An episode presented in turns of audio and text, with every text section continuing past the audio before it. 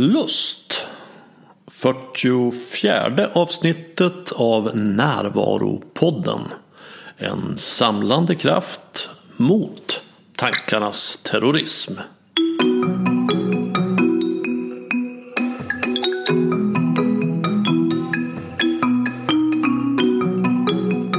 Det här är Bengt Rönnander. Och först en rolig nyhet. Min senaste bok, Handbok i närvaro, är nu slutsåld. Och jag har de senaste månaderna arbetat med en ny och uppdaterad version av den. Sen jag skrev Handbok i närvaro 2015 så har jag ju arbetat med ytterligare några hundra klienter. Jag har gått flera utbildningar och gjort utvecklande resor både inåt och utåt. Och inte minst har jag träffat många inspirerande människor här i Närvaropodden. Allt det här har gett mig klarare insikter kring hur man blir mer medveten och närvarande. Och jag har också hittat ännu bättre sätt att beskriva det på.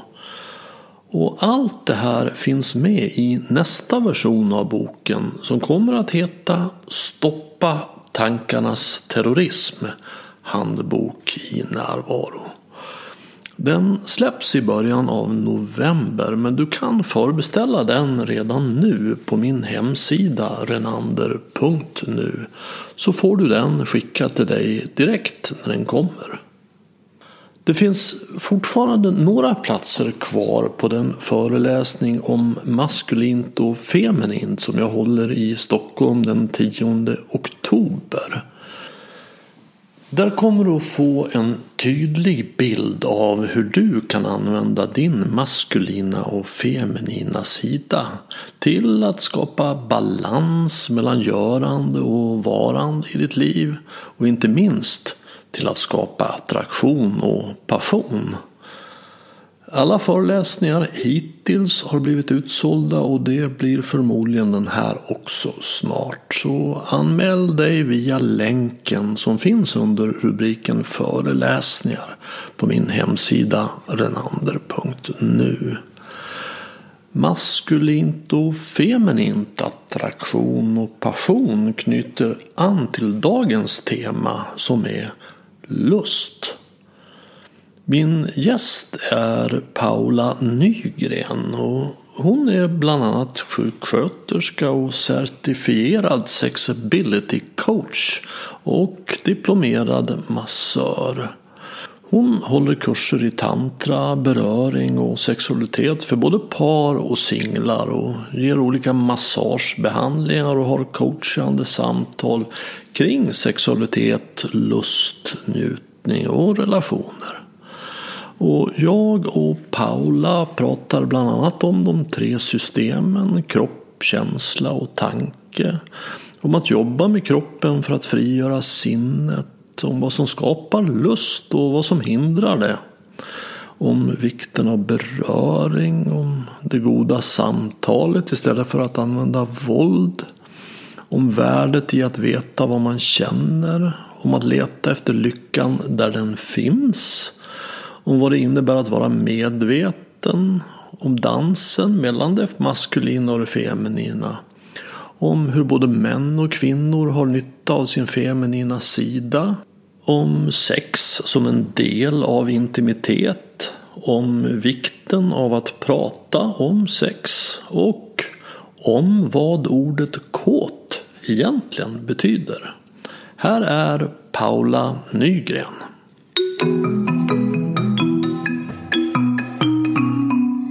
Ja, vad jobbar jag med? Jag har mitt företag eh, på heltid nu mm. eh, som jag jobbar med kring sexualitet och relationer. Eh, Lust in life heter det, så det handlar ju om, om lust, alltså livslust, sexuell lust, eh, närhet, intimitet, beröring. Eh, och jag har både sessioner hemma där jag jobbar med enskilda eller par som kommer och det kan vara både massage, tantramassage, beröring, sinnligt. Det kan vara dermorering som är mer en helande. Ehm, berör man, eh, jobbar med energetiska eh, blockeringar. Eh, också coachning. Eh, men det är kring liksom relationer och sexualitet som jag, som jag jobbar när jag har sessioner. Så ibland är det bara samtal? Mm. Ibland är det ja, bara, eller huvudsakligen fysisk beröring men oftast är det en blandning däremellan? Eller? Ja men precis, man kan väl säga att jag faktiskt alltid har samtal med. Jag mm. börjar alltid med ett samtal och det är väl lite grann för att någonstans behöver vi få prata av oss. Så här att landa i rummet, det här att komma, eh, få, det är en ganska bra sak. Då har man fått ge lite information. Vem är jag? De får berätta lite vem är de? Och så, så börjar ett samtal och sen är det första gången när det till exempel är ett par som kommer för att det är någonting som de vill ha hjälp med. Då kanske vi pratar ganska länge, kanske till och med en och en halv timme första gången. Men det är alltid någon form av övning också. Jag jobbar liksom inte bara med samtal. Mm. Eh, och det är för att jag tror på att jobba genom kroppen. Så att det inte är teorier och tankar Eh, och, och, den typen av terapiarbete som jag jobbar med. Utan är det någon som har behov av det, då brukar jag faktiskt skicka vidare dem till någon annan. Eh, för det jag jobbar med mer är ju liksom att vara i kroppen. Att känna och att uppleva och att få upplevelsen att den sätter sig i kroppen. För det är det jag tror på, det är det som har varit min väg som jag tycker är fantastisk. Och det är därför jag vill ge ut det till andra. Så och kommer man för en massage så är det ju massage som man kanske är ute efter då, en tantramassage eller en demoreringsbehandling. Men jag börjar ändå alltid med ett samtal där man kan uttrycka då lite var, varför är personen här och vad har jag för behov och vad längtar jag efter så att jag kan eh, ha med mig det sen in i, i behandlingen. Sessionerna kan se olika ut helt mm. enkelt och en del kommer för att de vill ha som en kurs, tantrakurs liksom så här, en privatundervisning eh, som inte vill komma på mina grupper som jag ju också har då när jag inte är hemma. De har jag oftare i Göteborg eller på annan plats eh, i grupp. Ibland med min man, ibland har jag en annan kollega som jag har med kvinnor. Mm, det låter som att du har många verktyg i din låda. Ja, ja. ja men det skulle jag säga. många bollar också. Det är väldigt roligt att ja. det är varierande. Jag brukar tänka mig att vi har tre system i oss som är tankar, känslor och fysiska förnimmelser. Det låter som att du arbetar på alla de tre mm. nivåerna. Mm också, jag arbetar också med par och individer. Jag känner igen, vi har många beröringspunkter men vi har också en del arbeten där jag, eller områden där jag inte arbetar. För jag, jag, jag berör inte mina klienter ja, mm. överhuvudtaget. Och det är ju rätt vanligt. Det är det som är när man mm. jobbar som eh, terapeut, psykolog, alltså på olika sätt så, där, så är det ju väldigt sällan som man också jobbar med fysisk beröring. Eh, och det är ju någonting som för mig är ett sånt otroligt kraftfullt verktyg. Det finns otroligt mycket man kan göra med en kropp. Eh, med både, både energimässigt, rent fysiskt, vad som händer när vi får beröring med, med alla hormoner och allt, allting som händer i, i kroppen och hjärnan. Och det, är ett, eh, det finns så många lager som man kan komma åt och som man inte behöver använda sinnet till utan att man går ju liksom djupare in. Mm. Det är som att man släpper, när man slutar prata och liksom vågar släppa och gå djupare och djupare in. Jag försöker oftast verkligen att få klienten att inte prata när man väl går in i, i ett arbete. För det blir ju ett försvar ofta. Att, där man kommer tillbaka till en ytligare nivå i sig själv. Men alltså om man släpper och slutar prata så kommer man ju in, precis som om man mediterar, så kommer man själv djupare in i sig själv. Och det är samma sak med vilken form av egentligen kroppsbehandling som helst. Att då landar man djupare mm. och, och kommer förbi vissa saker. Det är därför man kan jobba med exempel traumabearbetning med att jobba med en kropp utan att man ens vet vad är det för trauma. Mm, man behöver inte prata om det, behöver inte berätta det liksom. Mm, jag förstår, det låter ju helt rimligt. Eh, men jag skulle bara börja prata med dig om det som du inledde med och nämligen om lust. Mm. Vad, vad, är, vad, vad, lust är för någonting och vad är det som gör att vi inte känner lust? Vad är det som gör att vi känner lust? Mm. Hur, hur tänker du kring det? Ja, det är spännande. Ja, visst är det. jag känner ju att lust är, är det som är, ja, men det är orsaken till att vi lever. Alltså överhuvudtaget livet, det är ju liksom att vi får ju någonstans ett liv när vi föds. Sen behöver vi ju inte leva ett liv med lust. Vi behöver ju inte känna att livet är fantastiskt alltid. Men någonstans har vi ju i oss allihopa en livsenergi. Att vi faktiskt är levande. Vi är ju inte döda. Eh, och det är den jag tänker på mycket för mig om man tänker på det stora perspektivet så är det livsenergin i kroppen. Det här att, att det finns någonting som gör att vi är levande. Sen kan vi vara mer eller mindre i kontakt med det. Och det är där jag tror lusten, eller om man inte känner lust, det är där det liksom någonstans finns. Så att om jag gör saker som gör att jag är mer i kontakt för mig då med kroppen, det är min väg då, är ju att är jag mer eh, förkroppsligar mig själv. Att jag eh, genom beröring, genom dans, yoga, andning, allting som är att, att man liksom kommer mera in i sin egen kropp, känner den och upplever den.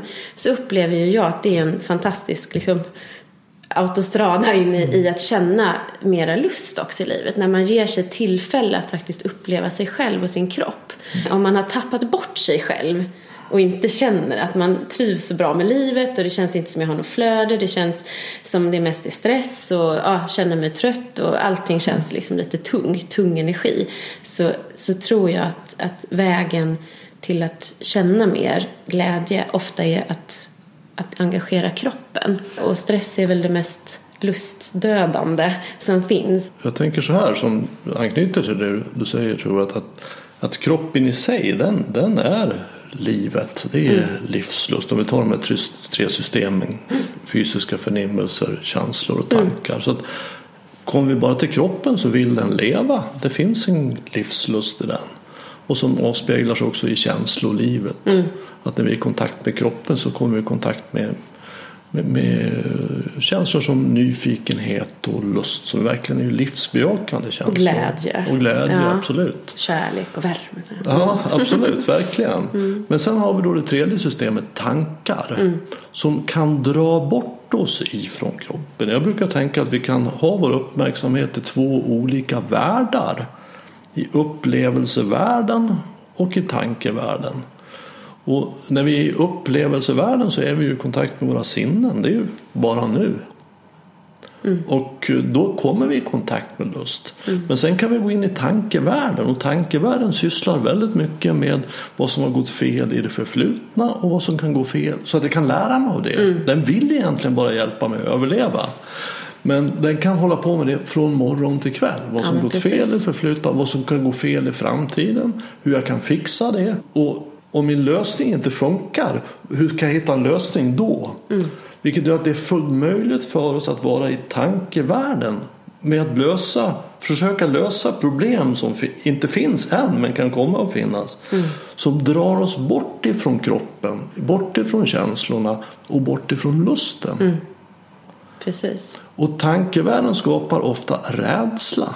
Mm. Och det skulle jag ju säga att är den vanligaste närvarotjuven. Alltså vi blir rädda och då tappar vi lusten. Mm. Vad, vad, vad, tänker du om Absolut. det? Nej, men det jag tänker också där det är ju att vi har med oss vår historia. Vi har ju med oss ett bagage. Eh, dels är det ju att tankarna är ju sådär. De är ju av naturen mycket negativa. Det är ju ett litet, ja, de vill en liten utmaning vi har här i livet. Ja. Att, ja precis. De är, de är jättebra men de kan också vara lite besvärliga med oss och får oss att jobba med oss själva och utveckla oss. Ja, om vi förväxlar dem med verklighet. Mm. Det är det som är problemet. Mm. Annars är tankar bra. Men om vi börjar tro att våra tankar är verklighet. Mm. För då börjar vi känna som om det vore sant att jag aldrig kommer att träffa någon. Ja men precis och jag har ju lite, som jag jobbar mycket med det här så är det ju inre barnperspektivet liksom. Och det tänker jag också är en del lite grann av tankegrejen att det sätter igång det här eh, att vi liksom har någon slags vi har liksom lite grundsår ofta med oss. Att, mm. ja, det här. Och så får man liksom något grundantagande med sig i livet. Att jag inte älskansvärd eller jag är ingen som man lyssnar på. Eller alla de här sakerna som, som vi lever med. Och jag tänker att de är verkligen sånt som tankarna jobbar med. Mm. De här eh, antagandena vi har och de eh, idéerna kring hur jag är som vi då har skapat utifrån då situationer när vi inte känner oss mötta, inte känner att vi har blivit lyssnade på eller inte älskade på det sättet mm. som det lilla barnet behövde. Mm. En fin bild tycker jag är att, att det är som att man har ett blixtlås upp i pannan och så kan man dra ner det över hela kroppen och så öppnar man bröstet så sitter det ett barn där inne. Mm. I oss alla. Mm. Så har vi ett, ett sorts inre barn. Och det är ju det som jag förstår. Ja, ibland kanske vi har många. Vi kanske har både en tonåring och en treåring och en femåring ja. som kanske påverkar oss, tänker jag. Precis, att det liksom dagis och en fritidsgård. Ja, men lite så. Eller hur? Det trotsiga och, och mm. kanske det sårade lilla ledsna. Eller den här som mm. blev övergiven, som inte... Ja, eh, fick det den faktiskt behövde. Ja. För det är ju så att eh, vi får ju alla, även om vi har en jättebra uppväxt, så får man ju med sig saker där vi inte känner oss helt mötta. Mm. Eller där vi känner att oj, de höll fast mig när jag skulle till, ja, men göra en operation. Det kanske var livsnödvändigt, men det blir fortfarande ett övergrepp som man, mm. kroppen upplever. Och det sätter ju minnen. Och... och hur jobbar du med det då? Ja, det, just, just det är ju det här med dearmorering. Att, att jobba med att um, helt enkelt lösa upp spänningar som är då på en energinivå kan man säga. Alltså det här med att jobba energimässigt kan man ju göra till exempel både zonterapi, alltså olika sådana här behandlingar, man jobbar med chakran. Det finns ju mycket i olika traditioner mm. så finns det ju det att man jobbar med meridianer och olika saker. Det är ju ett energiarbete. Det sitter ju i kroppen. Mm. Men det är kanske inte som en muskelknuta som man kan känna på det sättet. Att här är mm. det, nu, oj där var det spänt i nacken eller sådär. Att här kan jag trycka. Men det är egentligen samma, samma system. Att det är att man upplever, när jag kan gå över en kropp med händerna så kan jag känna att här händer det någonting när jag trycker. Att antingen kan jag känna mig dragen till att vara där eller så eh, märker jag att det händer någonting med personen när jag är med mina fingrar. Det kan vara bara en fingertopp som lätt trycker någonstans och så sätter det igång en process mm. i personen. Så det handlar mycket om kropp och känslor, att det finns en sorts intelligens och en visdom i kroppen. Mm. Och, och det är också min erfarenhet att många gånger så säger vi så här att, att, eh, att vi tror att tankarna är det klokaste. Mm. Att så, ja, jag ska tänka efter. Nej, det kanske, ibland är det absolut bäst, mm. men många gånger kan det vara bättre att känna efter. Mm. Precis. Men eftersom det också är många som inte har kontakt med sina känslor eller med sin kropp så är de hänvisade till tankevärlden. Mm. Och när man är hänvisad till tankevärlden så handlar det mycket om rädslor och begär och framtid och förflutet. Så är vi där och så snurrar det fortare och fortare, det blir mer och mer drama, vi tappar kontakt med kropp och känsla, lust, mm. nyfikenhet. Livet blir en grottekvarn, någonting som ska klaras av. Mm. Fasen, det är 40 år kvar, jag är bara 40 år. Mm. Gud, det är klart snart i livet, är så jävla jobbigt. Mm. Och slutar med att man går in i väggen eller depression eller missbruk. Det är ju tre väldigt vanliga. Mm. Men just det där att landa ner i kroppen då, för det där känner jag, det jobbar jag ju en del med. Just om man ställer en fråga, eh, ifall jag guidat kanske någon meditation, till exempel ett par som är hos mig eller sådär, och så ska de känna, alltså fråga kanske efteråt, ja hur känns det nu? Jo, men jag är glad att vi sitter här. Okej, okay, hur känns det i din kropp? Mm. Ja, men det är väl roligt. Ja, hur mm. känns det i din kropp? Alltså att hela tiden försöka komma ner längre in i känslan. Mm. För att ja, då får ha, det är ju en tanke att jag tycker att det är roligt att, sitta, att vi har kommit hit och får göra den här övningen. Det mm. känns fint liksom. Mm. Men att, ja, hur känns det när det känns, vad är det som händer då i, i dig? Vad, Ja, och det är ju jättestor del av att jobba på det sättet jag Verkligen. gör med att coacha människor att känna kroppen. Mm. För det är så värdefullt att kunna sätta ett ord på den känslan man har. Jag har erfarit samma sak som du. Jag frågade hur känns det? Så det känns bra, så de. Mm. Och då brukar jag säga så att, att om jag skulle fråga dig vad du har för färg på väggarna i ditt sovrum och då säger du att ja, den är bra. Mm. Du har fått veta vad du tycker om färgen ja, men inte fått veta vad det är för färg. Mm. Och på samma sätt är det, jag har fått veta vad du tycker om det du känner men jag har inte mm. fått veta vad du känner. Så, så, jag frågar, så, så vad känner du? Och då säger de ofta, jag ska tänka efter. Mm. Nej, säger jag, tänk inte efter utan känn efter. Och då finns det de tittar med, de vet inte vad det innebär. Mm. De har aldrig gjort det. Nej. Men det är så värdefullt att vara i kontakt med sina känslor. Och en känsla har ju alltid en fysisk förnimmelse ja, som precis. en del. Det finns mm. alltid en kroppslig del i en känsla. Och det är den som jag tror på och att det är bra att börja känna och uppleva och, och få mer kontakt med. För att alla känslor som det finns ett namn på mm. känns lite olika än en annan känsla som det finns ett namn på. Mm. Så det känns på ett sätt att vara irriterad, ett annat att vara arg, ett tredje att vara ilsken, ett fjärde att vara förbannad, ett femte att vara sur alla har lite olika fysiska förnimmelser. Mm. Och att då kanske nu är jag, vad är det här? Är jag arg? Är jag sur? Irriterad? Är jag förbannad? Är jag ilsken? Vad är det här för någonting? Jag är inte förbannad, jag är irriterad. Det är det jag. Mm. Bra! Nu vet jag hur jag känner. Mm. Då, kan, då har jag liksom en sorts plattform. Då vet jag vad som händer i mig här. Och många känslor är ju tankegenererade. Alltså de kommer att jag tänker saker. Mm. Tänk om han inte går ut med soporna imorgon. Mm. Så blir jag jätteirriterad. Nu är jag irriterad här. Men då finns det också anledning att gå utanför sig själv och se varför är jag irriterad? Jo, jag tänker att han inte går ut med soporna imorgon. Men det vet jag ju ingenting om. Så att känslor kan vara en fantastisk guide att leda oss till sanningen men de kan också föra oss väldigt vilse. Mm. Om vi inte är medvetna om var känslorna kommer ifrån. Mm. Det är väldigt sant.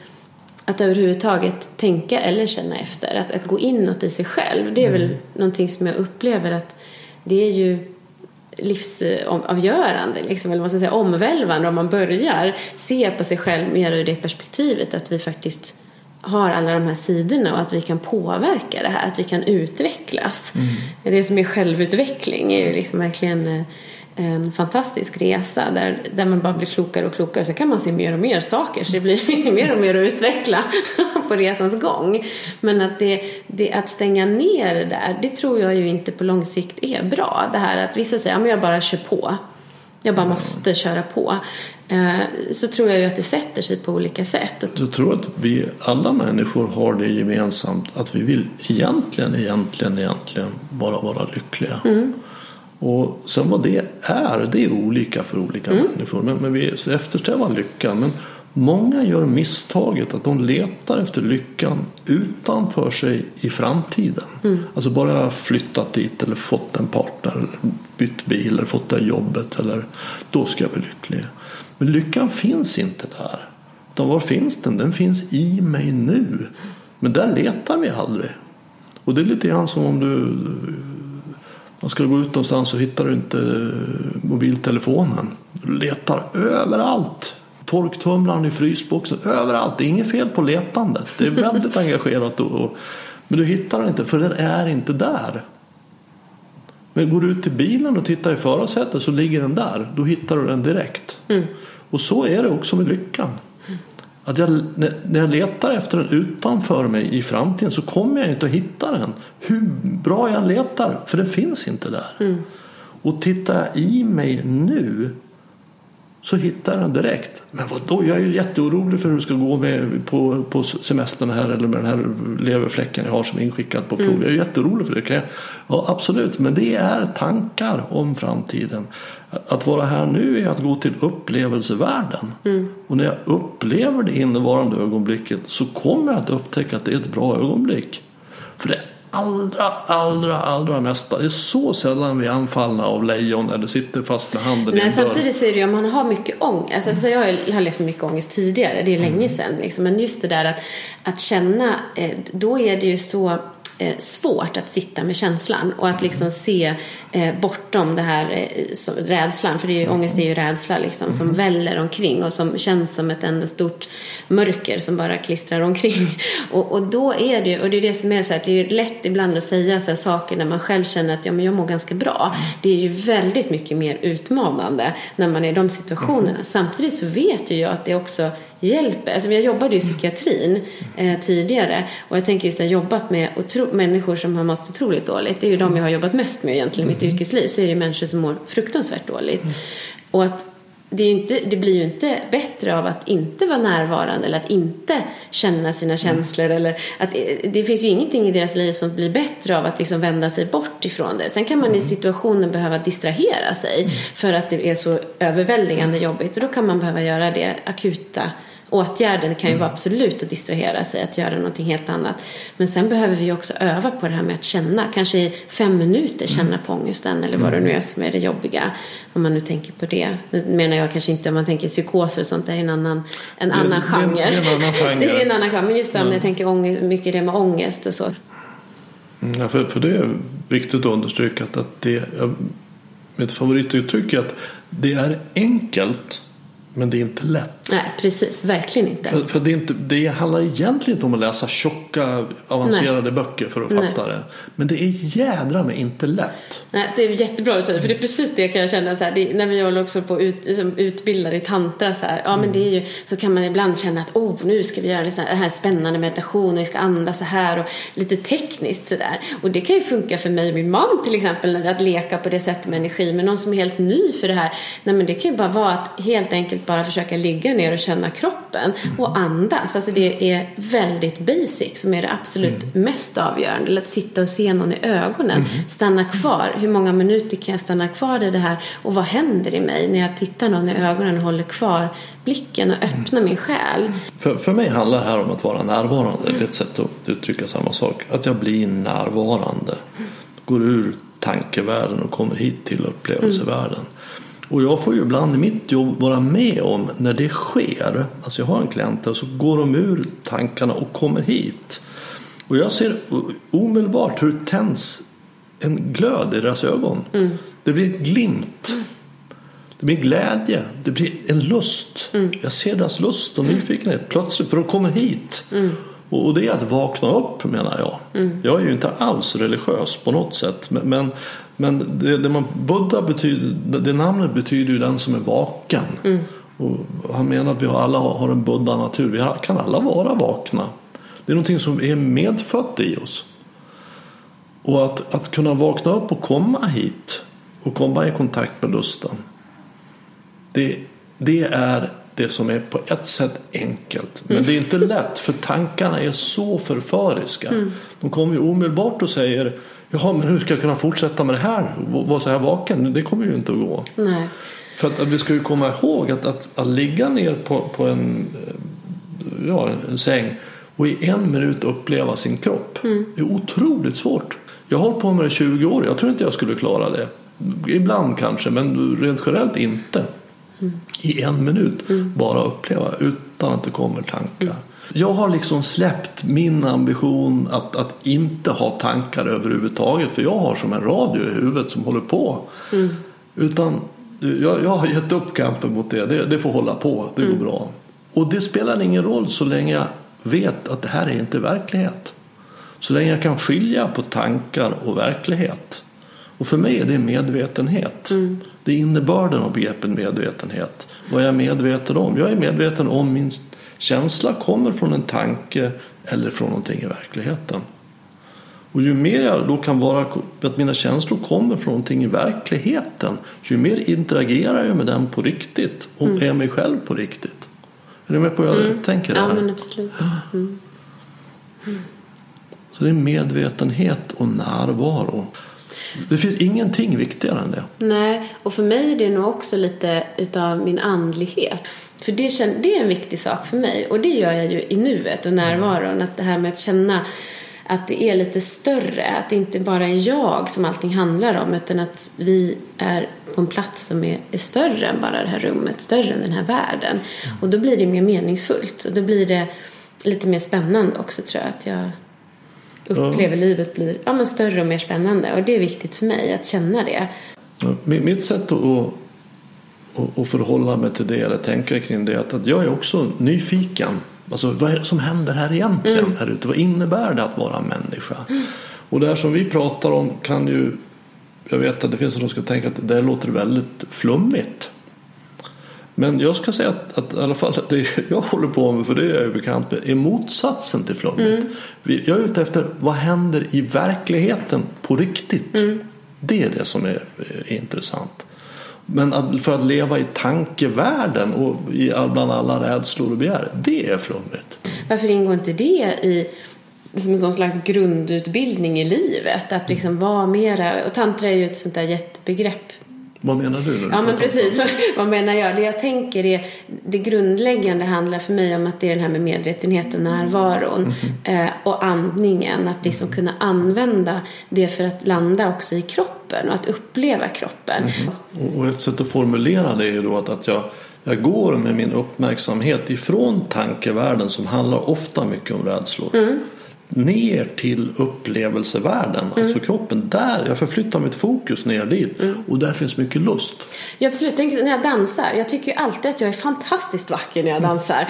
Och när man tittar sig i spegeln sen precis efteråt så bara, jaha men ja, då kan det, de här tankarna komma tillbaka. Då börjar Ja. man se, nej men gud, där hade jag lite smink som hade runnit eller oj vad jag såg ut i hår. Kan det komma någon sån här, då så kommer de igen. Men när jag är i min kropp och dansar eller älskar eller är i den här aktiviteten, liksom där jag är och andas och lever, så känns ju allting fantastiskt. Ja. Det är ju där, sen kan det komma upp sorg. Och, alltså för mig är det ju också att vara levande är ju att bejaka alla känslor. För jag tror inte Absolut. att vi ska bejaka bara att alla ska gå runt och bara vara glada hela tiden. För vi har ju jättemånga känslor i Mm. registret. Jag tror att det är, för mig är det kanske, det är också tantra står för att vad är precis det som är just nu? Mm. Och att det kan växla. Men det är just det där, håller vi fast vid att jag är ledsen, det här kommer få, du vet, då blir det ett, ett vidmakthållande vid någonting istället för att se det som att ja men under en dans till exempel eller en älskog. För mig är det ganska likt egentligen. Verkligen. så för mig att, att ja men så kan jag känna mig lycklig. Sen kanske jag kommer i kontakt med något som gör lite ont eller som jag blir lite ledsen över eller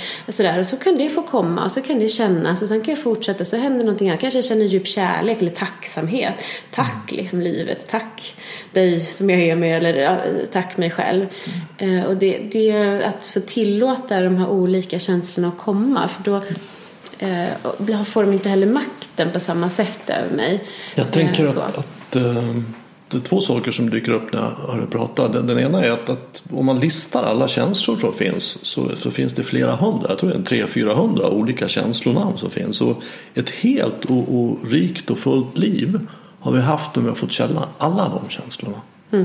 Vi har fått uppleva och erfara hur det är att vara människa i Mm. alla dimensioner.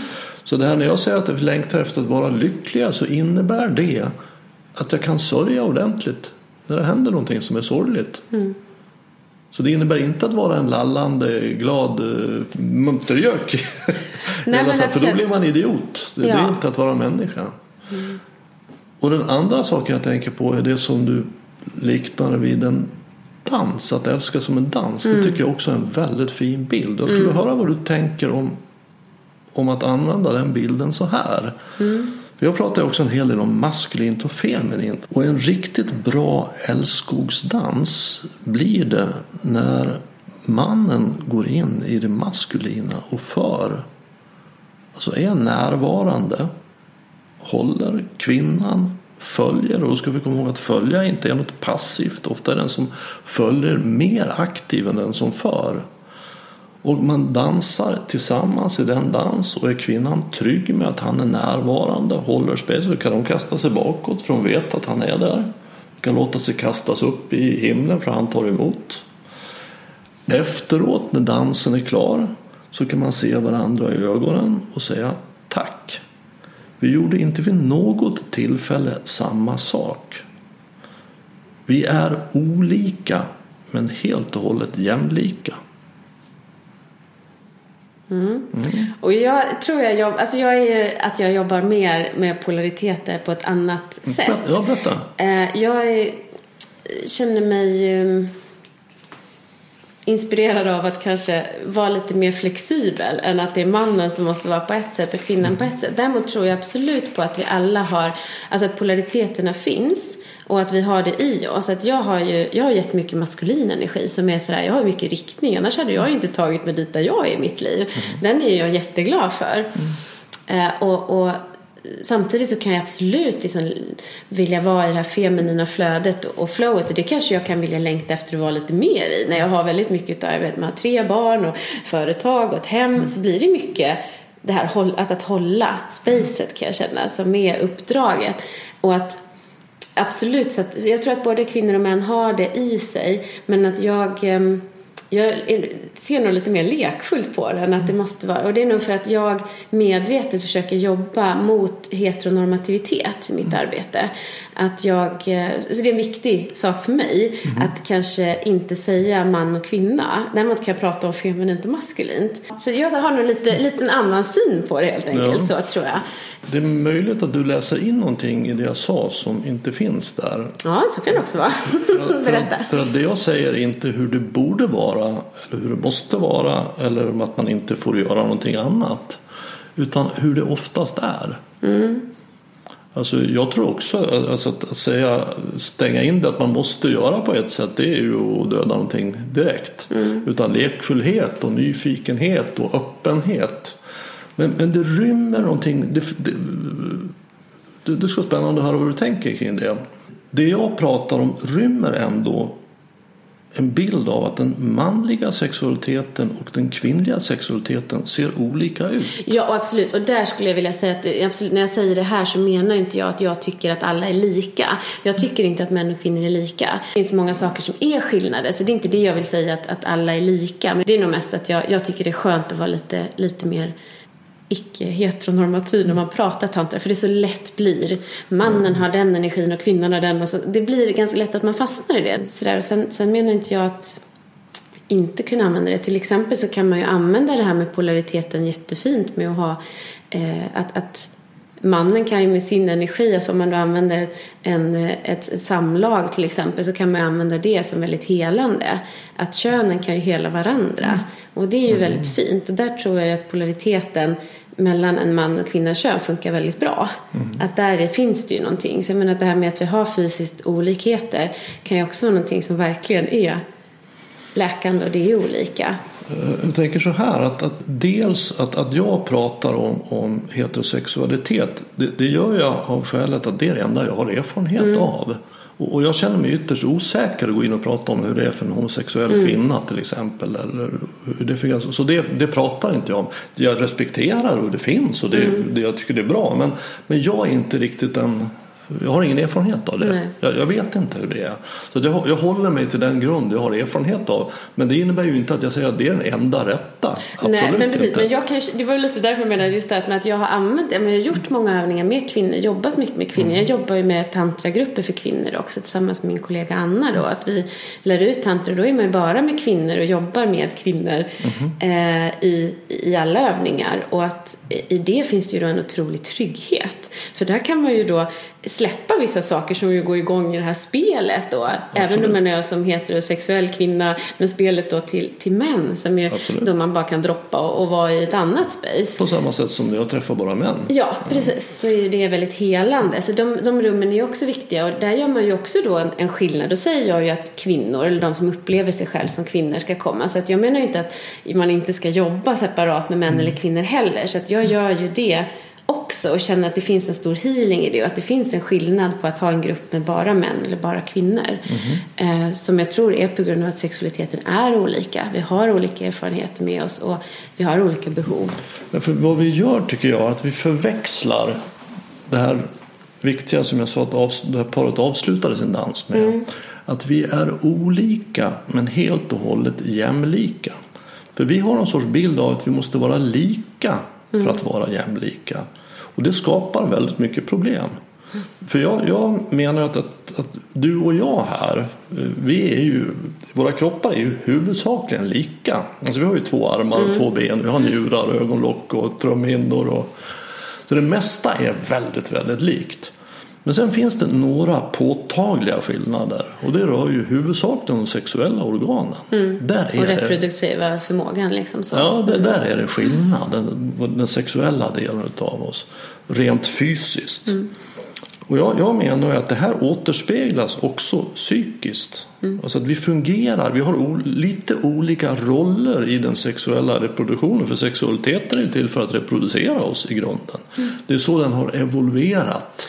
Absolut, och jag ser ju att det är många kvinnor som kanske har en önskan till exempel om mer, eh, som ber om mer beröring, mera kontakt sådär. Att ha svårare kanske att komma mm. in i ett sexuellt möte innan man känner att man är i hjärtat. Och det är ju det liksom, att man ser, det är ju ett kanske mer, mer typiska. Men jag har ju också män som känner så. Mm-hmm. Där de känner att de eh, känner ett krav på sig att prestera och när det liksom blir eh, åt det hållet och de längtar efter väldigt mycket beröring och, och, och kvinnan de lever med aldrig ger beröring och känner längtan efter att få, oh, bara få ta emot, känner att de ger eller liksom mm-hmm. inte får vara den som är där mottagaren. Så jag kan känna att det är väl lite det men att jag tycker jag hör olika roller och att det kan vara även ett samkönat par så är det också, kan det också vara olika hur, hur rollerna ser ut där. Mm. För mig är det mest intressant tror jag vad blir individen mest lycklig av? Och det kanske är som kvinna att få vara i den där feminina flödandet mm. och som man att vara i sin kraft. Mm. Och det, liksom, då är det det man ska jobba med. Men att göra en sån generalisering från början, det är nog där jag är lite tveksam.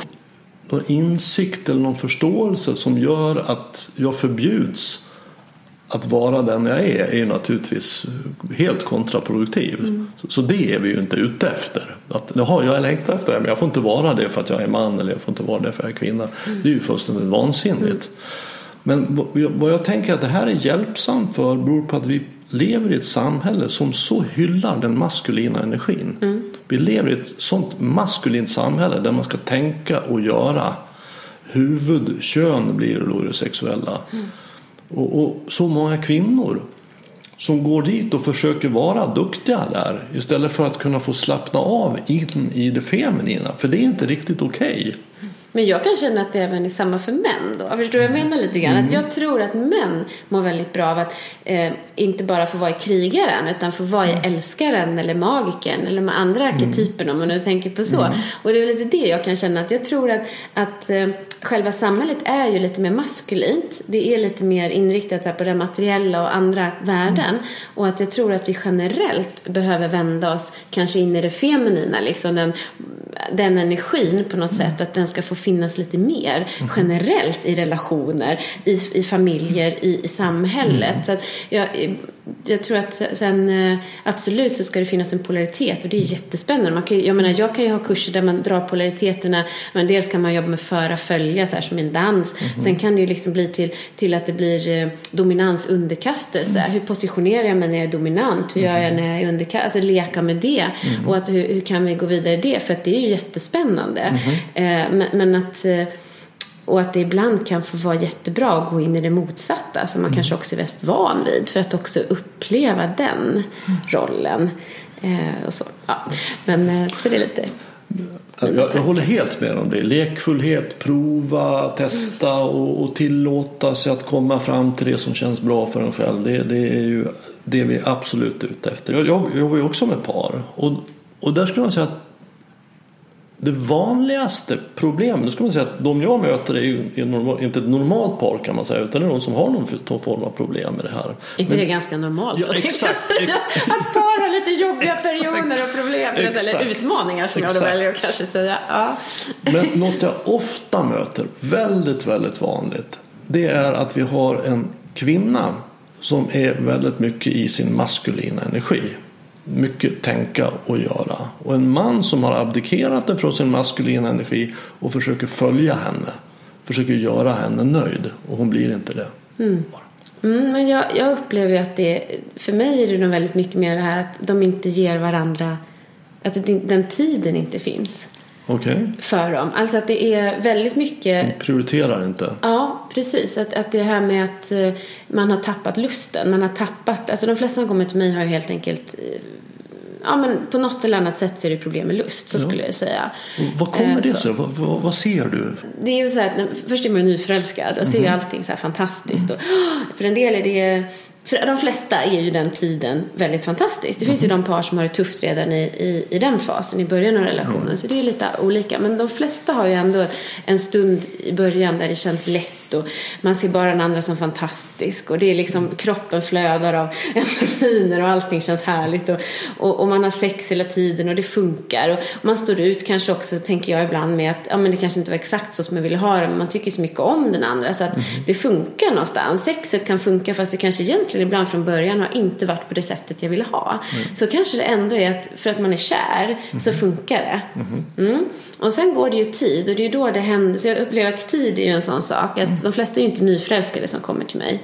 Mm. De flesta har levt ihop ett tag och har barn ihop ja, och, och lever ett liv sådär.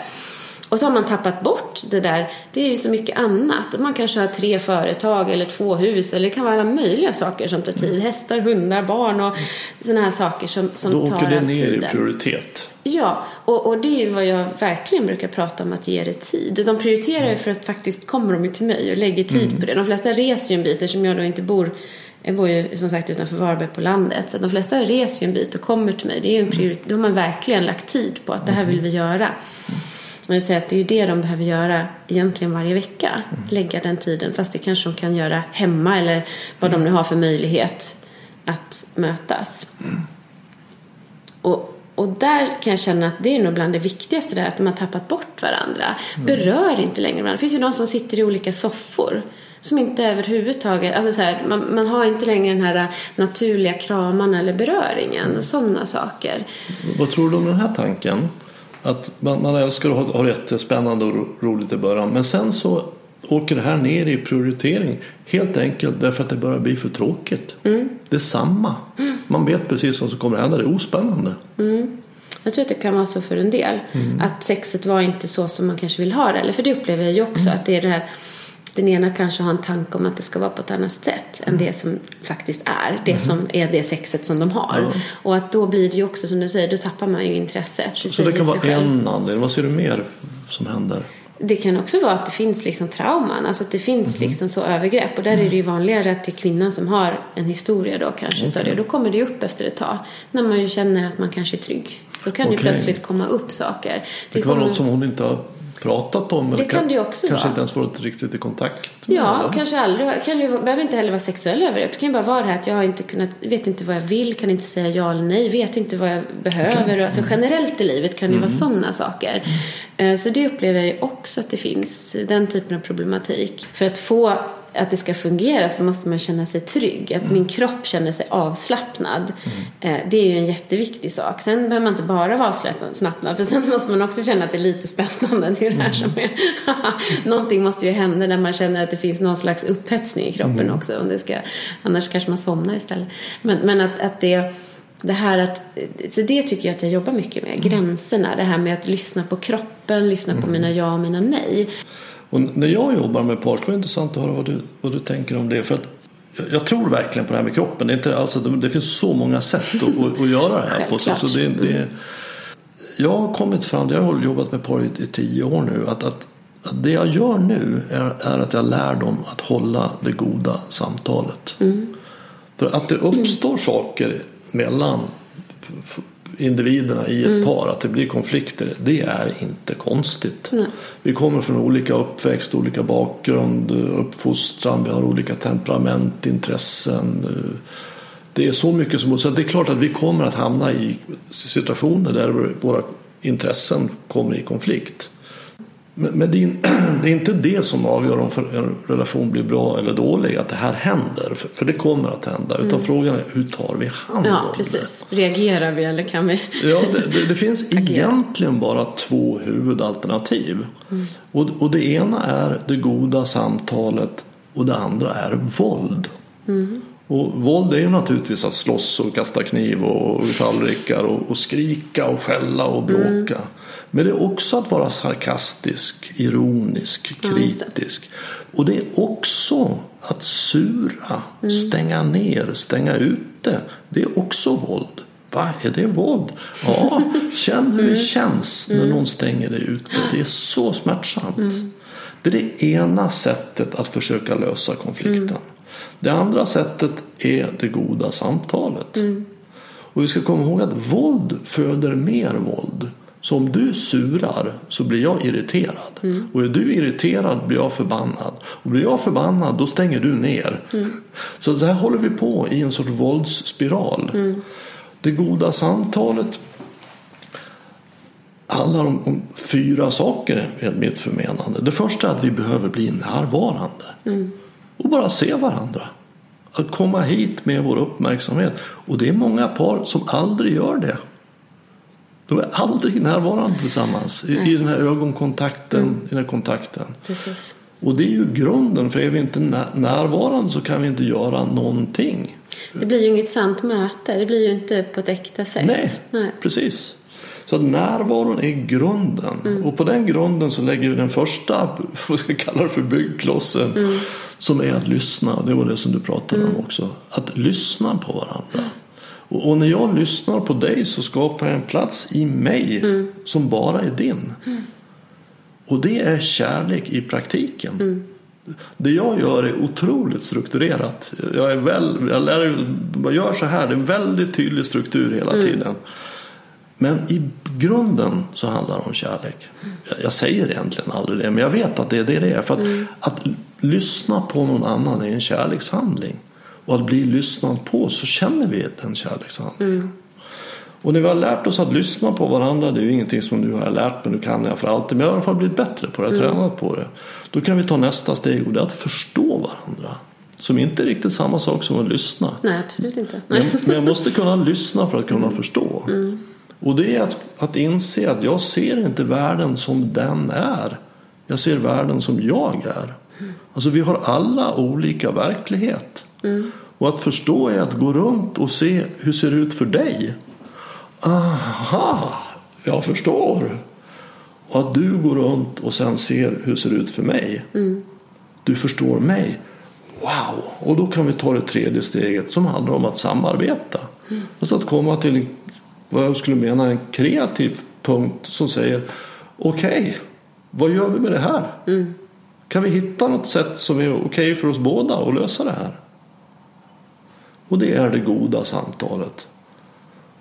Och vi får inte lära oss det. Nej, det är lite så. Det är lite som jag menar här med att man skulle vilja lära, lära ut tantra och liksom samtal. Alltså det här med hur man pratar med sin partner. Jag tänker på BVC får vi lära oss eh, lite, är det såna här kurser lite grann om hur vi ska göra det säkert för barnet till exempel. Men det är väldigt lite som handlar om hur får vi en, en bra eh, mamma och pappa till det här barnet. Eller sådär. Och hur, får, hur får de igång och ha närhet och sex efter man har fått barn till exempel. Den biten är det ju ingen som pratar med om. Vi behöver prata i en relation. Vi behöver ge det tid med varandra. För att det, det, annars blir det inte en utveckling, blir det inte en bra relation.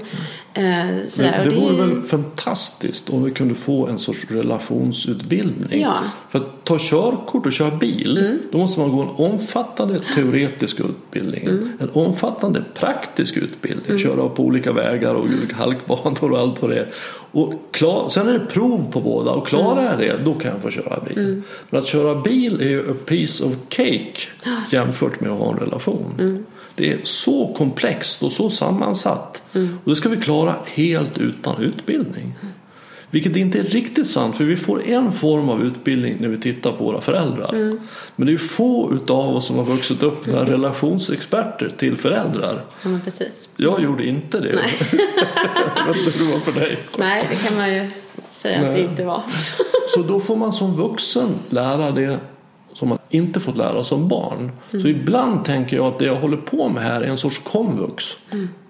Att vi, vi får liksom lära oss saker som är väldigt, väldigt bra att kunna. Som inte är så svåra att lära sig egentligen. De är svåra att tillämpa. Mm, precis. Det är lite grann som att spela gitarr. Rent teoretiskt är det inte så svårt att spela gitarr eller piano. Det, det går till så. Men sen att kunna det är en Man annan sak. öva. Man behöver öva, ja. Och det här med övningen, det är väl det som är just det där att vi tror att det här med att så, så blir vi ihop och sen ska det bara funka. Ja. Och för mig är det att, men det är ju ingen relation som bara rullar på och funkar. Alltså på alla nivåer tror jag inte. Det finns ju de som kommer till mig och säger vi har ett jättebra liv, vi känner att vi har det bra som föräldrar, vi är bra vänner. Du vet, är liksom familjen AB funkar och mycket funkar, vi har roligt ihop och vi, du vet sådär. Det är mycket som funkar. Men vi har inget samliv. Nähä, sådär. Och då är det ju något som, där, och det har man liksom då valt att, nej men det är nog inte så viktigt, sådär. det har inte prioriterats. Och samtidigt så, för de flesta så är det ju någonting som är viktigt. Alltså det här med beröring är ju till exempel, som bebisar är det ju livsnödvändigt, annars dör vi. Och som vuxna är det ju inte så att vi dör om vi inte får beröring, men vi blir ju lite mindre levande. Och vi uppskattar livet mindre. Det kan ju lätt bli att man blir lite bitter. Och, och, och att det är liksom andra saker, andra känslor tar över då om vi inte känner det här att "Ah, få vara i kontakt med den här kärleken och njutningen. Och, Så i ett par där det sexuella inte fungerar finns alltid en sorg. Mm. Både hos den som vill mer och hos den som vill mindre. absolut. Mm. För att en, en parrelation, om man nu ska uttrycka sig väldigt fyrkantigt igen. Mm. Ett sätt att formulera det väldigt oromantiskt är att det är en gemensam överenskommelse om sexuell exklusivitet. Mm. Jag vet att det inte är så för alla, men för de flesta är det det. Det innebär alltså att det är du och jag som har sex med varandra. Sen kan vi gå på kurser och jobba och resor och egentligen göra vad som helst. Men det är speciellt för oss. Så har vi inte det. Vad är det här då? Är vi en sorts kompanjoner eller är vi vänner eller kompisar? Vad är det här? Så det är viktigt det här vi pratar Men det är om. ju det. Och, det är just det att sen, och jag brukar verkligen säga att det är intimiteten som är viktig och det fysiska. Sen, så här, sex är också en sån där sak som är så stort för mig. En del tänker bara samlag när man säger sådär. Ja, det är penetration liksom där eller omslutande samlag, vad man vill kalla det för. Men att det är ju fortfarande det som man, då säger det därför så blir det så smalt. För jag ser ju sex som någonting mycket större. Att vi kan mötas kanske med kläderna på och det är supersexuellt. Eh, hångla, så det är som man gjorde när man var tonåring. Det här hånglet kan väl vara hur erotiskt och sexuellt som helst. Eh, och, och lustskapande. Så att det är inte det heller. Och det där tror jag kan göra. Och det är därför jag menar lite grann ibland det här med lekfullhet är en, viktig sak att ha in. Liksom, att det, Verkligen. göra andra saker. Och, och att ibland kanske avgränsa beröring. Att det inte får leda till sex. Det är ju en sån här klassiker som nästan alla parterapeuter jobbar med. Liksom. För det ibland kan vara så viktigt att bara få igång det här beröringsmässiga. Att inte koppla det heller. För då kan det bli krav. Och allt det där som blir kravfyllt och jobbigt. Och så sätter det igång Det skapar samma rädsla och story. rädsla drar på sig huvudet. Ja.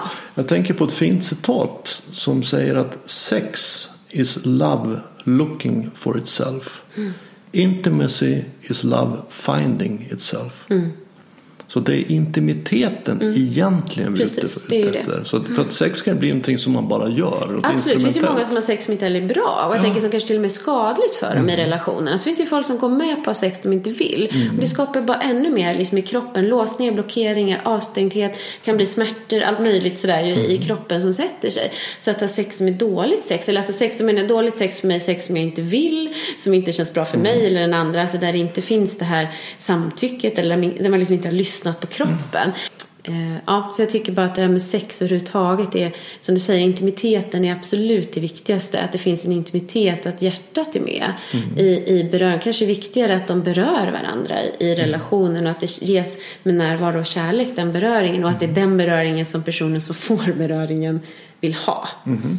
Det är Du känner till där- samtyckeshjulet? Ja, men det jobbar jag ju jättemycket Ja, med. det är ju fantastiskt. någonting- Ja, det är fantastiskt. Och jag vet att du har haft gäst tidigare som har pratat mycket om det. Men att det är ju någonting som jag också jobbar supermycket Jag tycker också det är med. fantastiskt. Jag kan verkligen rekommendera Mm. alla att, att utforska det. Och det är så konkret och påtagligt Mm. och enkelt. Och, och när man hör talas om det så låter det så mentalt. Men när man gör det så märker man att det är fantastiskt. Ja, jag är det tvingas att titta inåt och få kontakt med mig själv, Mm. få kontakt med dig, få vilja och Visst att det är så, det, på ytan kan det vara lite enkelt men det är, den är så otroligt djup. Det är så många nivåer. Alltså jag har par hos mig, nästan inga pra, har ju pratat liksom sex under sin relation. Och det är ju för mig väldigt förvånande. Nu är det mitt största intresse så det är inte konstigt att jag kanske pratar mycket om, om sexualitet, relationer och så. Det är ju det jag brinner för. Men jag tycker det är konstigt att man inte pratar lite mer om det. Att det är någonting sådär, man vet ju inte hur andra har det heller. Och, sådär, och, och jag kan bli förvånad över det sexet som folk har. Eh, att det är så otillfredsställande. När det finns sådana lätta vägar att komma till mer njutning och mer tillfredsställande sexliv. Oavsett om du är bara själv med dig själv eller med en partner. Att, att det här med att öppna upp för de här tantriska nycklarna med andningen och kanske låta lite och slappna av, kanske se varandra i ögonen, kanske ha liksom lite sharing, det här med att man delar, hur känner jag, hur känner du? Prata om de här sakerna, tillåta känslorna att få finnas med. Nej, nu måste jag pausa, nu händer det här. Alltså det här, det är en helt, det, det, det som för mig är helt normalt. Det är för mig så en sexualitet ser ut, det är så kärlek ser ut. Men när jag hör berättelser så är det ju inte så som det ser ut för de flesta. Och då blir jag så förvånad. Så här, och då blir jag, eh, vet, ja just det, det är så det är för många. Det är därför jag behövs, tänkte jag säga. Men Absolut. det här jobbet behövs på något sätt. Och, och ska vi sammanfatta den grundläggande orsaken till det i ett ord så är det ju rädsla. Rädsla att inte duga till, att inte vara normal, ha för stora sådana där, för små sådana här, för långa sådana där, för korta sådana här. Och att inte göra rätt, att inte vara rätt. Och vi är så rädda och det finns ju också i samhället ett stigma kring sex.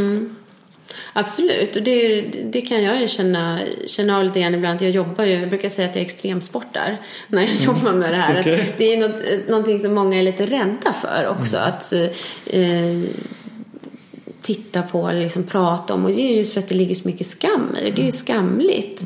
Det är inte så konstigt med den attityden i samhället att inte par heller riktigt tar sig den tiden då i en relation. Mm. Utan att allt annat, alla tandläkarbesök och fotbollsmatcher går ju långt mm. före att hitta tid till att ge varandra beröring. Mm. Eller att sätta sig ner och eh, prata om vad drömmer du om? För att våra relationer är otroligt viktiga för oss. Mm. Men vi prioriterar dem inte i nivå med dess Nej, vikt. Precis. Utan vi tar dem för givna. Mm. Men, men, eh, en fin bild som du kanske använder också av en relation det är ju att det är som en trädgård vi har tillsammans. Mm. Och den blir vad vi gör den till. Precis. Men vill vi ha en fin trädgård då måste vi vara där och jobba. Ja. Vi måste göra saker där. Och gör vi inte det då kommer det väldigt fort in gräshoppsvärmar och passionsfrukterna torkar mm. ut och det är ogräs och kvar finns en kaktus och ett stenparti. Ja, och jag tror ändå att det, det är jättefint, jag gillar den bilden. Mm. För det är också det här, men det är också sånt som händer. Det är också naturligt att det kommer en gräshoppsvärm till exempel. Eller att det mm. kommer ogräs. Man kan inte heller bli så här panik. Jag ser en maskros i min perfekta trädgård. För så kan det ju också vara så här, shit det här ska inte vara så här, allt måste vara bra. Alltså det kommer perioder när vi blir utmanade och där det inte känns så himla som det goda samtalet är bara det som sker. Utan det är andra saker. Och, ja, men, det kan vara många olika, det är verkligen olika i relationer. Men att så det är också viktigt att se att det är naturligt att det går lite upp och ner. Att det är det här med att slappna av lite i det. Men mm. att sen ta sig an det på ett, med ett kärleksfullt sätt. Att okej, okay, nu kom det en gräshoppsvärm. Hur ska vi då göra för att liksom få, få det här tillbaka till lite finare Men, men det tycker jag ligger i, i metaforens natur. Mm. Att, att det händer ständigt saker i trädgården. Precis. Så att, så att, och det är inte det konstiga utan vi behöver vara ute och göra vad gör vi med det här. Mm. Vi kan låta maskrosen vara kvar eller vi kan ta ja, bort den. Precis. Mm. Så, så, det tycker jag är en av metaforens styrkor. Och hur mycket har vi tid med just nu? Ja. I år kanske vi inte har så mycket tid att jobba med vår relation för vi kanske har ett sjukt barn. Alltså ja. du vet, whatever. Då kanske den där maskrosorna, kanske alla maskrosor får stå och blomma i trädgården ett mm. litet tag. För det är prioritering. Absolut. Och sen kanske man nästa år väljer att nu storsatsar vi här. nu går vi kurs Absolut. tillsammans. Eller nu gör vi en terapi tillsammans. För nu har det gått så. Och vad det... längtar du efter för trädgård? Ja. Hur, hur, vill du att det ska vara där? Mm. Vad vill du ha för områden? Vad vill Precis. du att ska ske där? Och att vissa saker behöver vara gemensamma. Alltså det ska vara en gemensam trädgård. Ja, för har vi inte det har vi ju ingen relation. Nej. För det är det som är relationen. Mm. Annars blir vi ju två parallella individer mm. som kör varsitt race. Mm. Och då, är, behöver man ju, då har man ju ingen relation. Det kan vara så att man bor ihop ändå men någon mm. relation finns inte. Nej. Ja, mm. jag sitter jag bara kommer att tänka på vi pratar om lust och ordet kåt. Mm. Det betyder ju levnadsglad. Mm, precis. Det är ursprunget till det ordet. Och det tycker jag är så fint. Mm. För ordet kåt blir lite fult sådär. Mm. Det är som ett fult ord. Men levnadsglad. Alltså jag är levnadsglad. Jag är nyfiken. Jag är öppen. Precis. Jag har lust. Vad är det som mm. händer? Jag vill smaka mm. på det här. Jag vill lukta på det här. Så, så kan, kan vårt avsnitt här leda till mer kåthet i den bemärkelsen. ja men precis. Så får vi vara glada. Mm. Ska vi låta det vara slutorden? Absolut. Mm. Tack. Tack så mycket för att jag fick vara med.